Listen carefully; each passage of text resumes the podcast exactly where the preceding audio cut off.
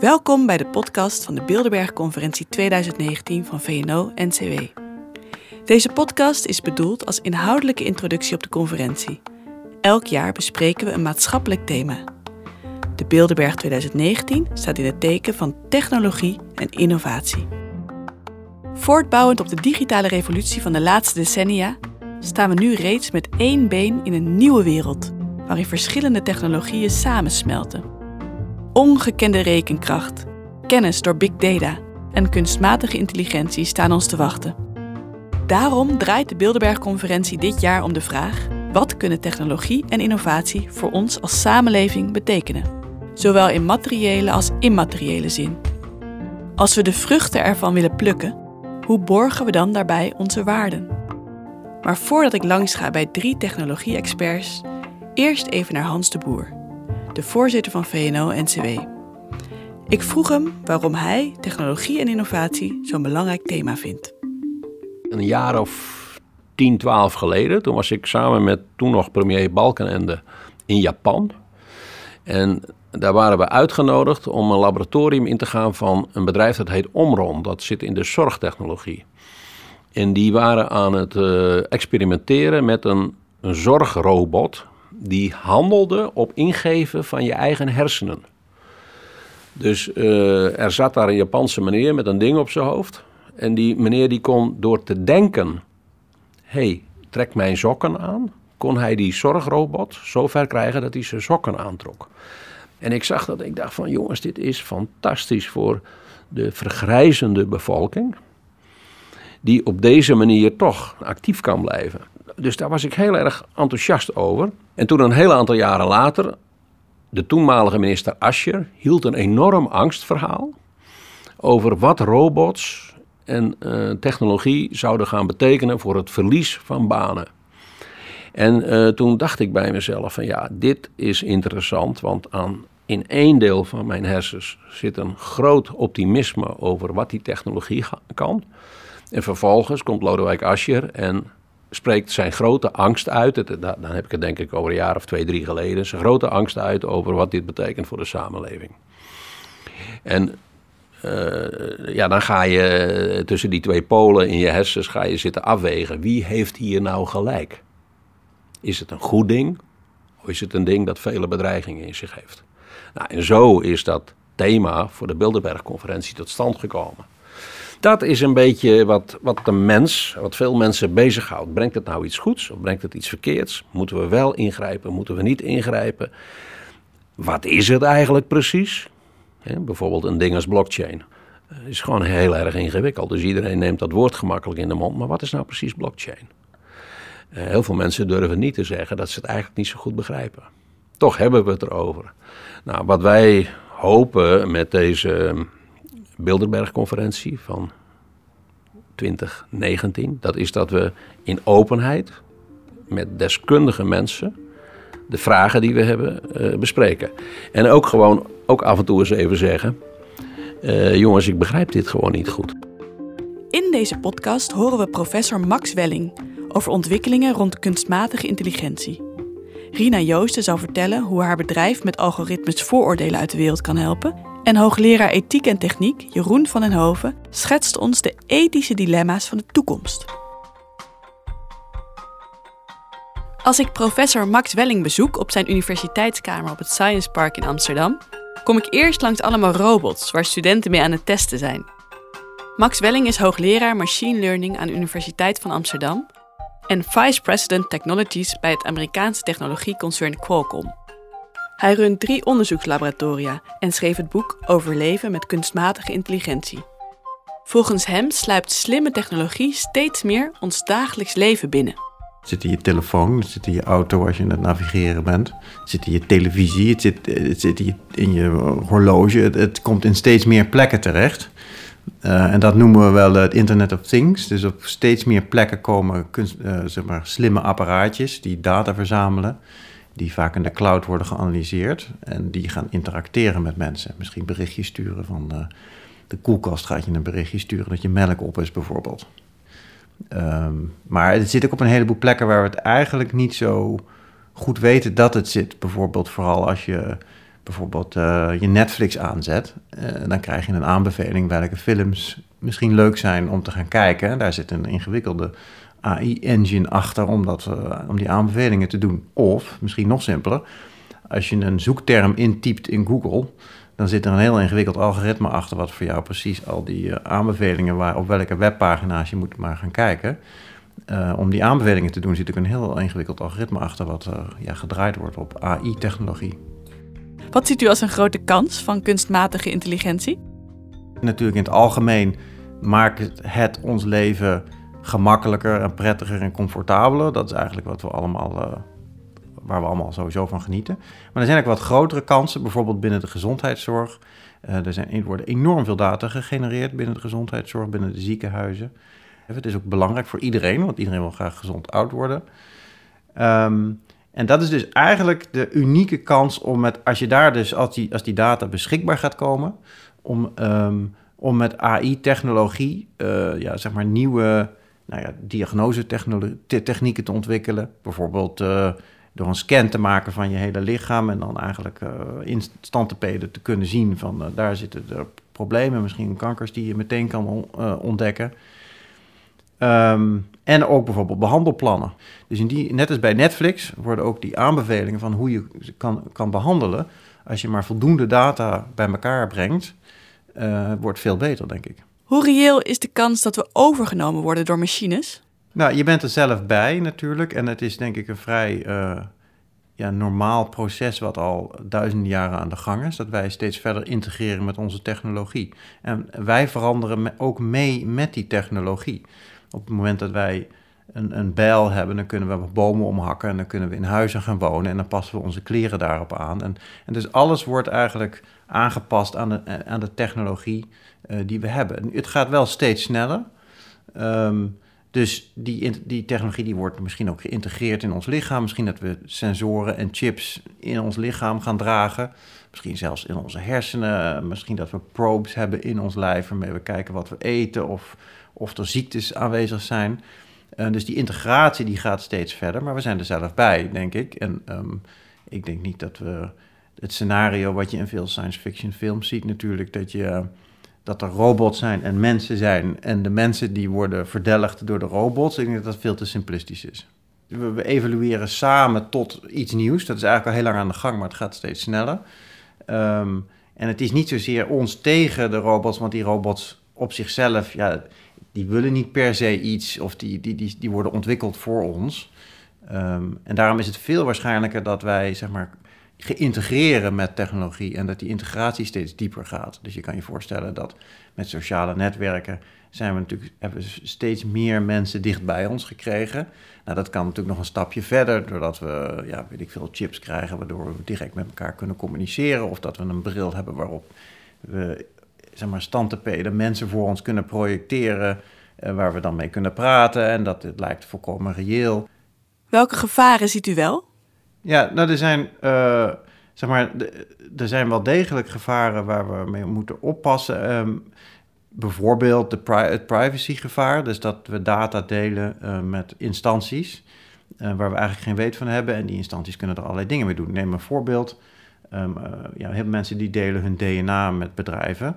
Want die, dan krijg je een leuke voorspelling terug waar je vandaan komt, waar je voorouders vandaan komen. Uh, maar nou blijkt weer dat dat, DNA, dat bedrijf dat DNA dan weer deelt met een of ander ander bedrijf. En dan, ja, dan je, krijg je allerlei, allerlei, allerlei negatieve effecten veroorzaken.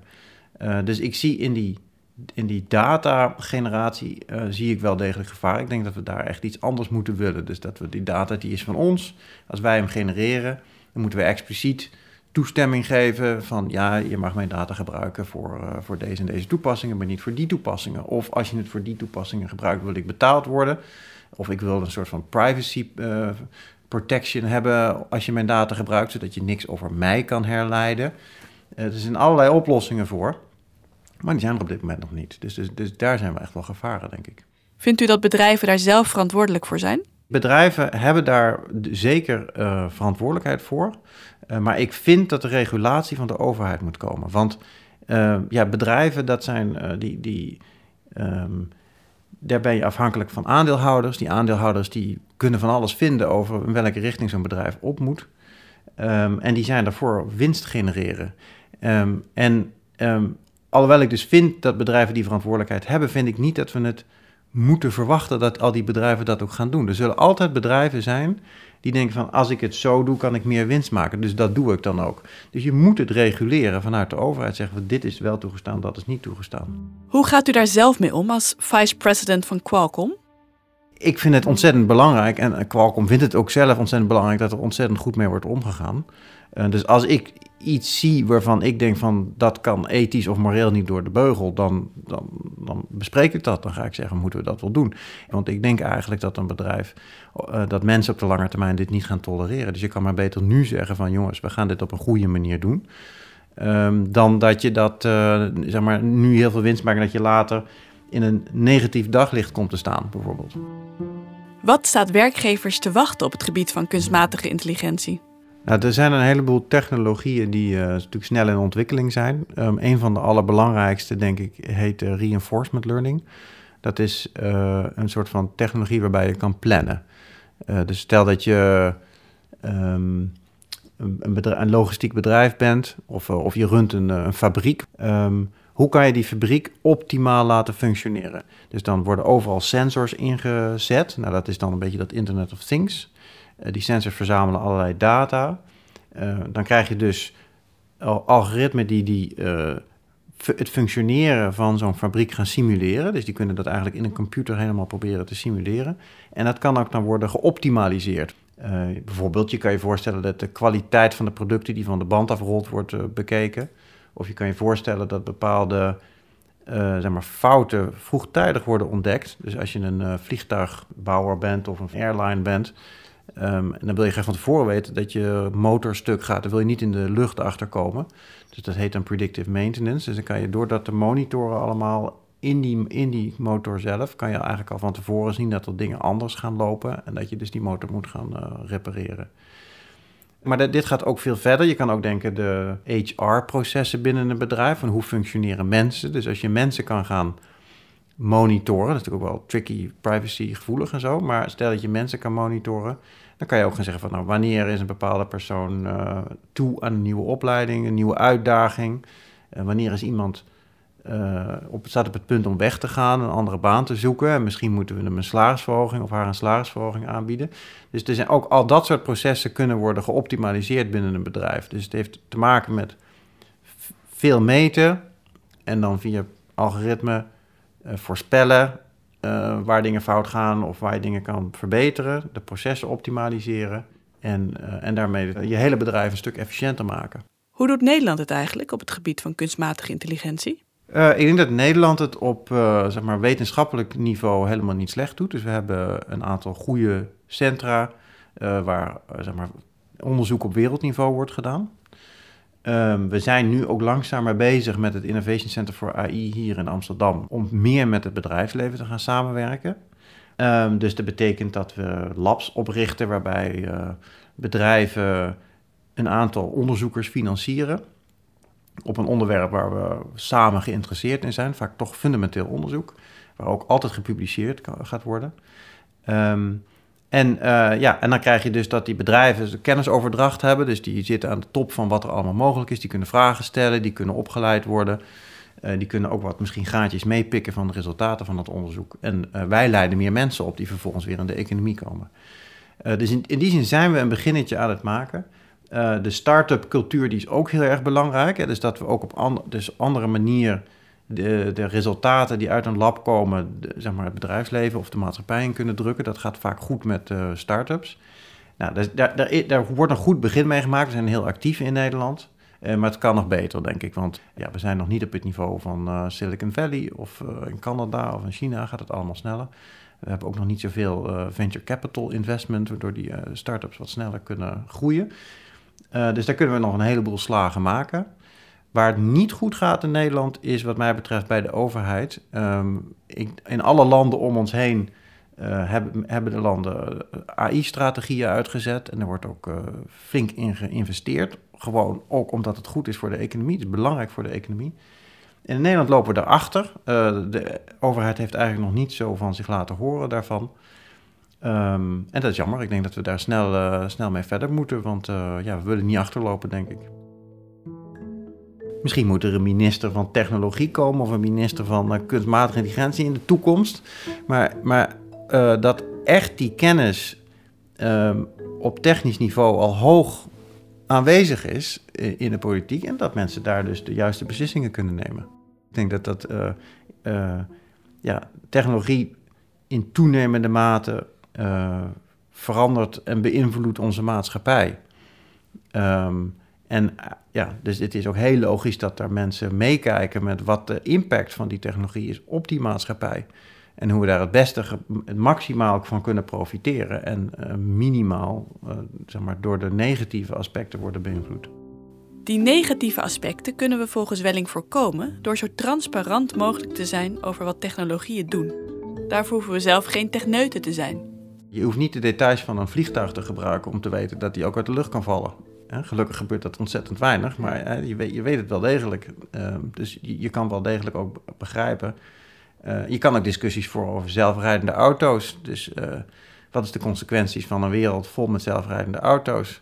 Nou ja, dan, kan je zeggen van, nou, daar wordt het allemaal veel veiliger van. Dat is ook zo. Dus ik denk, we maken 1,2 miljoen dodelijke slachtoffers per jaar uh, in het verkeer. Uh, dus dat zal drastisch naar beneden gaan. Dat is, een, dat is een prachtig voordeel daarvan. Aan de andere kant is het natuurlijk ook weer een datastofzuiger die jouw data opzuigt en vervolgens daar ook weer allerlei dingen mee gaat doen. En dan zou het helpen als we op school al meer leren over technologie. Waarom niet op de lagere school al bezig gaan met programmeren, technologie en zeker op de middelbare school? Maar het is nog nergens. Uh, we leren vijf talen of vier talen, weet ik veel, maar we leren geen programmeertaal. En dan denk ik bij mezelf, in deze wereld waarbij overmorgen waarschijnlijk je een oordopje kan indoen en met een Chinees kan praten, omdat het automatisch en real-time wordt vertaald voor je, zou ik, mijn, uh, zou ik liever leren te programmeren en die technologie begrijpen, of zelfs uiteindelijk ook ontwikkelen, dan dat ik al die talen nog ga leren. En een paar talen zijn prima, dat is vast goed voor je brein, dat, denk ik, dat geloof ik serieus. Maar we, we, hangen nog een beetje, het is nog een beetje een uh, overblijfsel van de vroegere tijd, waarbij wij handelden met alle, met alle landen om ons heen, waarbij we al die talen moesten kennen. Dus ik denk dat we daarin moeten ja, verbeteren. Um, dus daarmee wordt waarschijnlijk het, het algehele bewustzijn van mensen en begrip van technologie een stuk beter. En daarmee dan ook van natuurlijk van politici uiteindelijk.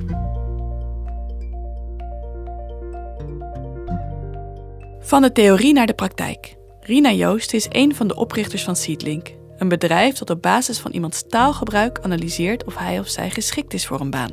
Ze werden groot in China, maar ik bezoek haar op het hoofdkantoor in Amsterdam, van waaruit ze de Europese markt veroveren. Vier weken geleden had ik een uh, uitnodiging om ergens te spreken en ik nam een Uber. En die Uber-chauffeurs zijn, een beetje, die zijn wel opgeleid om een praatje te maken. Dus op een gegeven moment raakten we aan de praat over ons werk. En die man vertelde me dat hij drie jaar geleden zijn baan verloren was als architect. En hij zei tegen mij, ja, weet je, ik, was, ik ben 55 jaar, daar was hij heel open over. Hij zegt, ik heb misschien, ik heb ze niet geteld, maar ongeveer een 100 sollicitatiebrieven gestuurd. En ik ben nooit ergens uitgenodigd. En dan moet je je voorstellen, hij had twee dochters die net waren gaan studeren, hoofdinkomen eh, verzorgde hij. Dus hij was natuurlijk hartstikke blij dat hij bij Uber aan de slag kon. En ik dacht alleen maar, dit is dus waarom de manier waarop we naar mensen kijken totaal ja, doorbroken moet worden. It's bro the system is broken. En dat is weet je, waarom ik me bezighoud met nieuwe technologie en nieuwe methodologie. Omdat ik geloof dat ook vanuit de wetenschap de manier waarop we mensen beoordelen, maar heel weinig zegt over waar iemand goed tot zijn recht komt. 80% van de banen in de toekomst die bestaan vandaag niet. Dus als we blijven kijken naar dingen die zichtbaar zijn. Hè, van waar heb jij gestudeerd? Um, waar heb je de afgelopen twintig jaar gewerkt, et cetera? Ja, dan gaan we er niet komen. Kijk, als wij hier engineers aannemen, natuurlijk moeten ze dan goed kunnen coderen. Maar dat is voor onze CTO niet zo lastig om te checken. Het is veel lastiger om te checken, kan deze persoon communiceren met de business? Hè, is het een beetje een teamplayer? Um, uh, is hij conscientious? Weet je, uh, is hij op details? Uh, de, allemaal dingen die je in één gesprek of vanuit een cv heel lastig kunt abstraheren. Dus analyseert Seedlink mensen op basis van hun taalgebruik. Want taal wordt onbewust in onze hersenen aangemaakt. Het bevat informatie over onze persoonlijkheid, gedrag en voorkeuren. Anders dan een cv of een persoonlijkheidstest kunnen we ons in ons natuurlijke taalgebruik niet anders voordoen dan we zijn. Nou, bijvoorbeeld, um, even dan moet ik het in het Engels doen, maar het is een heel simpel voorbeeld. Um, als iemand zegt, I like to go to see a film. Of um, I love to go to the movies. Nou, als je naar die twee zinnen kijkt, dan zou je al kunnen zeggen, nou, het gaat over hetzelfde. Maar als je dan gaat kijken naar de, um, naar de zinnen, dan zie je dat bijvoorbeeld like en love. Love is een veel meer extrovert eh, woord. I love to play tennis. Um, en like is meer introvert. En bijvoorbeeld movies is een woord dat Amerikanen gebruiken. En films is een woord dat Britten gebruiken. Dus alleen al even een heel simpel voorbeeld. Het ene, I, I love to, to go to the movies, is dus waarschijnlijk gezegd door een extroverte Amerikaan. En I like to see a film wordt gezegd door een meer introverte Brit. Op basis van databases van goed functionerende werknemers binnen het bedrijf wordt de kandidaat gematcht. En hoe je dat doet, en daar hebben wij ons de afgelopen vijf jaar mee bezig gehouden, is door eerst te kijken binnen bedrijven zelf. Dus laten we aannemen, hier hebben we 50 salesmensen die zich bezighouden met verkoop. Wij weten over de afgelopen vijf jaar wel wie het heel goed hebben gedaan en wie misschien het um, wat minder doen. Dus we zouden kunnen zeggen, we gaan eens het taalgebruik afnemen van die mensen die, in dit geval sales stuk heel makkelijk meetbaar, als voorbeeld even, hè, maar op harde criteria. En we nemen het taalgebruik af. Dan kan dat neurale netwerk, dus eigenlijk het computerbrein, kan gaan kijken wat zijn nou die overeenkomsten in hoe deze mensen hun taal structureren versus de andere groep. En dat kun je modelleren. En dan zou je kunnen zeggen, dan kan ik dat model bijvoorbeeld toepassen om het taalgebruik van jou tegen af te zetten. En dan krijg je een indicator van, ja, wat is de kans dat iemand het uh, goed zou kunnen doen in deze specifieke functie? En, en, we hebben nu net, het was wel grappig, we hebben nu net twee, een tweejarig uh, onderzoek afgerond uh, met een partner. Dat ging dus over sales, want dat is natuurlijk de proof the pudding is in the eating. Um, en het bleek dat die nieuwe mensen die dus waren aangenomen um, door puur te kijken alleen naar, naar taal en dus niet naar achtergrond, dat die het 30% beter deden. Dus een impact van 30% op je bottom line, op je top line revenues, van 30%. En dat is dus, dat is dan business impact, hè, dus economisch impact. Um, maar goed, mijn persoonlijke drijver is persoonlijk impact. Dus zorgen dat uiteindelijk jij op je plek terechtkomt waar jij het meest op je recht komt. En de toekomst gaat natuurlijk zijn dat eigenlijk straks misschien wel machines meer weten of zelfs al dingen over ons weten die wij zelf niet weten. Dus voor mij de toekomst van matching is nu um, heel simpel. Nu solliciteer jij op een baan ergens ga je zoeken op basis van uh, keyword. De toekomst is denk ik dat het totaal omgekeerd gaat zijn. Dus dat je intoetst wat je denkt te zoeken en dat je automatisch gematcht wordt op een bedrijf en een functie waar jij en past qua mens, dus qua cultuur, en waar je de meeste toegevoegde waarde zult gaan hebben um, vanuit wie je bent en wat je achtergrond is. Professor Max Welling waarschuwde mij eerder voor de vooroordelen die in zo'n algoritme kunnen sluipen. Hoe kijkt zij naar dat gevaar? Een paar weken geleden kwam het nieuws um, dat een bedrijf zijn algoritmes terug ging trekken omdat het um, discriminerend richting vrouwen was. En toen werd er meteen geroepen, een van de dingen die ik, we hebben toen een reactie geschreven, don't blame the algorithm, want dat gebeurt dan vaak. Hè? Zie je wel, uh, AI werkt niet. Wat er was gebeurd, het ging over een, groot een van de grootste technologiebedrijven ter wereld. Die hadden een cv-set genomen van engineers, die voor 95% bestond uit mannen. En die zijn daar algoritmes op gaan schrijven om te kijken, kan ik nou een cv gaan matchen op een baan? Ja, als ik nou als vrouw daar solliciteer en ik gebruik al, zeg maar, ik was voorzitter uh, van de Vrouwelijke Hockeybond in plaats van een mannen eh, van, de voet, van het voetbal, ik zeg maar even wat. Ehm, dan word ik al niet uitgenodigd. Dus we moeten ook goed onderscheiden, denk ik, welke methodologieën we toepassen. Ehm, en, da en kijken. Want in dit geval gaat, ehm, gaat het niet over keywords, maar gaat het over hoe mensen dingen zeggen. En mannen en vrouwen, als je laten we zeggen, we pakken een groep vrouwen en mannen als extrovert, weer een simpel voorbeeld, en mannen en vrouwen introvert, zij structureren hun taalgebruik op eenzelfde manier. Dus de hele genderdiscussie voor mij kan echt wel opgelost worden met technologie. We kijken echt puur naar uh, persoonlijkheidskenmerken of gedragingen binnen een bepaalde context. En het grappige is, als je dat doet, dat je dus, geloof ik, across the board 33% diverser publiek ziet. Hè, dus uh, mensen die dus boven komen drijven, van andere achtergronden, andere genders, andere etnische achtergronden dan, uh, dan voorheen. Algoritmes zijn niet per se bias. Het zijn altijd de datasets die we gebruiken die bias zijn. En die reflecteren de biases van onze society, van onze um, gemeenschap, samenleving.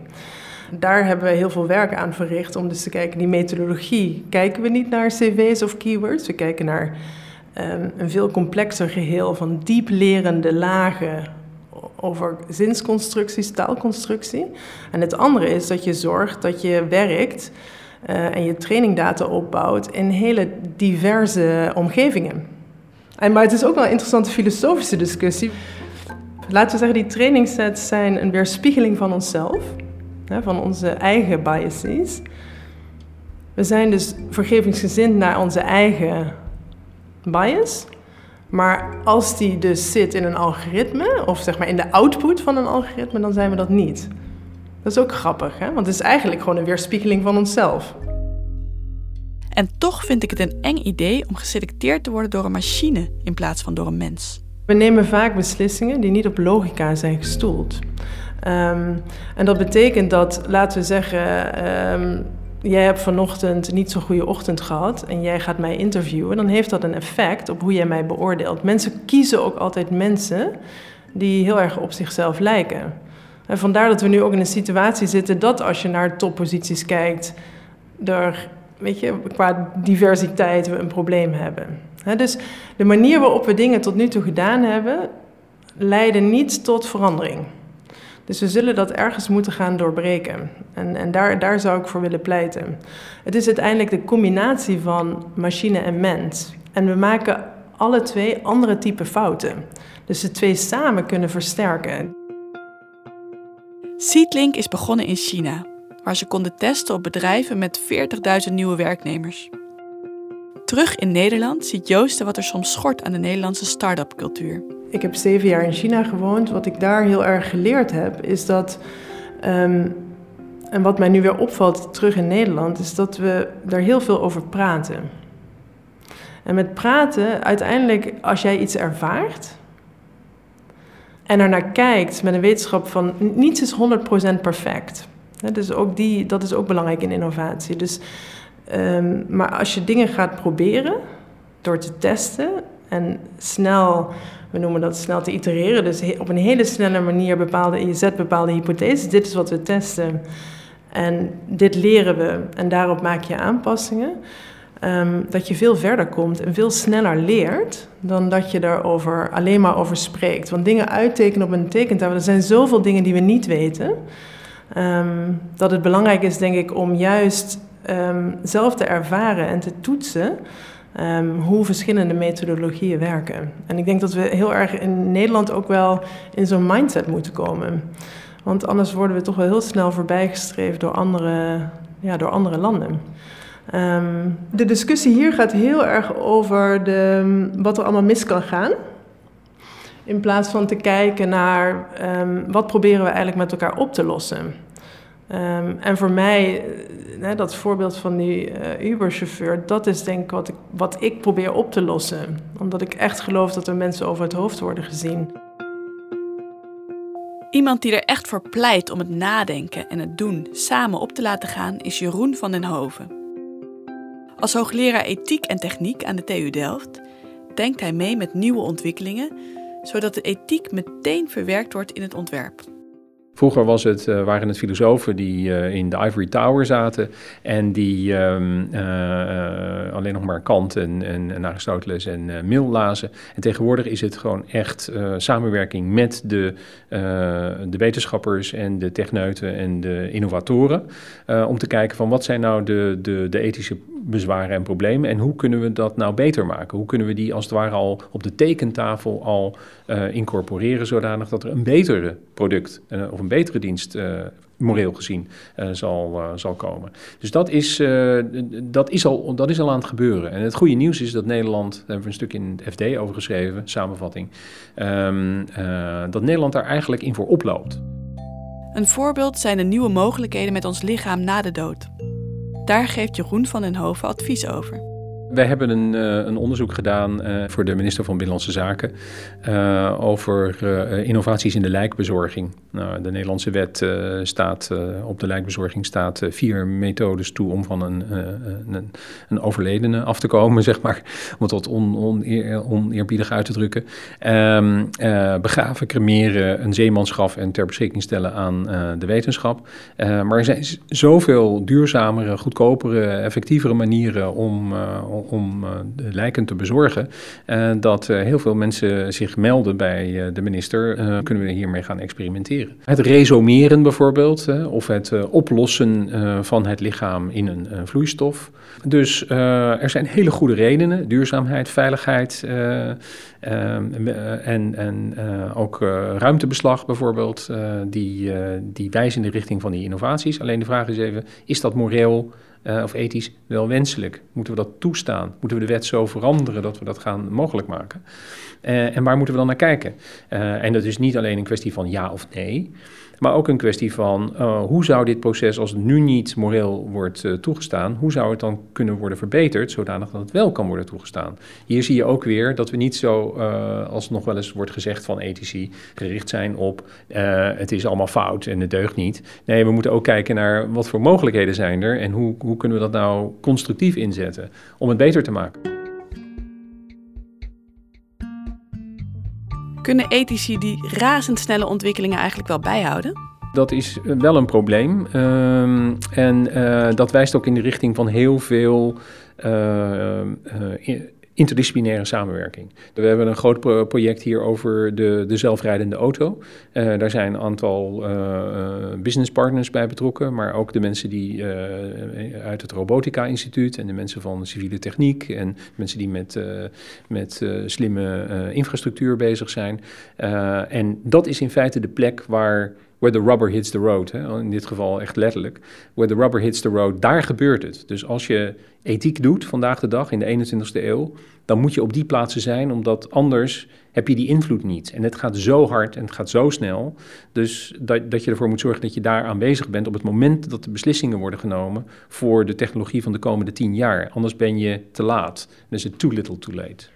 Wat zijn de ethische problemen en hoe, hoe ontwikkelen we die, uh, die auto van de toekomst uh, op, een, op een verantwoorde manier? Uh, dat, zodat een aantal van de vragen die we hebben, de obvious problems, dat die, dat die geen problemen meer zijn. Hoe gaat die auto interacteren met een slimme omgeving? Uh, hoe ziet een APK-keuring eruit voor, voor een slimme auto? Um, of uh, hoe haal je een rijbewijs? Wat, wat, wat zijn de eisen die aan een rijbewijs moeten worden gesteld als je in zo'n auto wil gaan rijden? Kortom, er gaat heel erg veel veranderen. Hoe aansprakelijkheid, het, het hele idee van, van verzekeren van dit soort auto's, dat hangt allemaal af van de vraag van de verantwoordelijkheid en dus van de menselijke controle over dit soort systemen. Nou, dat is een terugkerende vraag en daarom hebben we hier ook een, een, een groot nieuw programma op uh, getuigd. En dat gaat over menselijke controle in een tijd van autonome dingen. Begrijpt u alle technologie die u gebruikt? Vroeger in de 17e eeuw zeiden de filosofen, je begrijpt het pas als je het zelf kan maken. Uh, dat kan ik niet. Dus in die zin begrijp ik de technologie niet. Ik denk dat het, uh, dat, dat, dat ook niet nodig is om in ieder geval te snappen wat de morele implicaties kunnen zijn van technologie. Wat doen die algoritmes? Wat doet die robot? Wat wordt hij geacht te doen? Uh, en uh, gebeurt dat ook echt? Dat is een van de eerste vragen die je moet stellen. Technologie gaat over uiteindelijk, at the end of the day, over een betere samenleving. Iedereen uh, hoe simpel ook, die een nieuwe dienst of een nieuw product of een nieuwe gadget op de markt zetten van zou het niet beter zijn als we dit zouden gebruiken? Zou het niet leuk zijn als we dit hadden? Zou het niet veel makkelijker worden? Ehm, uh, en de eerste vraag die je dan moet stellen, is dat zo? Uh, en tegen welke kosten? Hm? Dus wat gaat er daardoor goed? Wat gaat er daardoor beter? En wat gaat er daardoor fout? Tot slot nog even terug naar VNO-NCW-voorzitter Hans de Boer. Ik vroeg hem waar hij het meest naar uitziet op de Bilderberg-conferentie. Nou, ik kijk het meest uit gewoon naar de, naar de sfeer die er hangt uh, op zo'n Bilderberg-conferentie. Dus dat enkele honderden mensen ja, toch in een sfeer van openheid, vertrouwelijkheid. Uh, heel open met elkaar praten over kansen, opvattingen, twijfels, angsten, weet ik het allemaal. Dat, is een supersfeer. Daar kijk ik het meest naar uit. Maar um, nou wil ik niemand tekort doen, dat risico loop ik. Maar wat ik interessant vind is de relatie natuur-technologie. Er zit uh, in het programma zit mevrouw Ilva Polman en die, die gaat het daarover hebben. En dat interesseert me. Ik las ergens, die Shinkansen, die snelle trein uit Japan. Daar hadden ze een probleem dat dat ding op snelheid niet door een tunnel kon. Herrie en weet ik het allemaal wat. En toen hebben ze gestudeerd, wat kunnen we nou wel doen? Dan hebben ze een, het voorbeeld van een ijsvogeltje, prachtig vogeltje, hebben ze genomen. En zo hebben ze die trein meer vorm gegeven. En nou gaat die trein met veel meer snelheid en minder energieverlies, gaat die door een tunnel heen. Dat soort dingen interesseert me. Dus, dus je kan van de natuur naar de technologie, maar je kan ook andersom. Je kan ook van de technologie terug naar de natuur. En dat vind ik wel een heel leuk uh, thema. Dat interesseert me. Als de interviews van het afgelopen half uur iets duidelijk maken, dan is het dat we leven in een uitdagende tijd. Met kansen op een betere toekomst. Maar we kunnen niet achteroverleunen. We moeten wel richting bepalen. Zodat deze ontwikkelingen inclusief en optimaal bijdragen aan onze samenleving. Dit is het einde van deze podcast. Maar op de website bilderbergconferentie.nl kunt u het Bilderbergboek voor dit jaar downloaden. En nog veel meer interessante perspectieven lezen. Bedankt voor het luisteren. En wellicht zien we elkaar op de conferentie.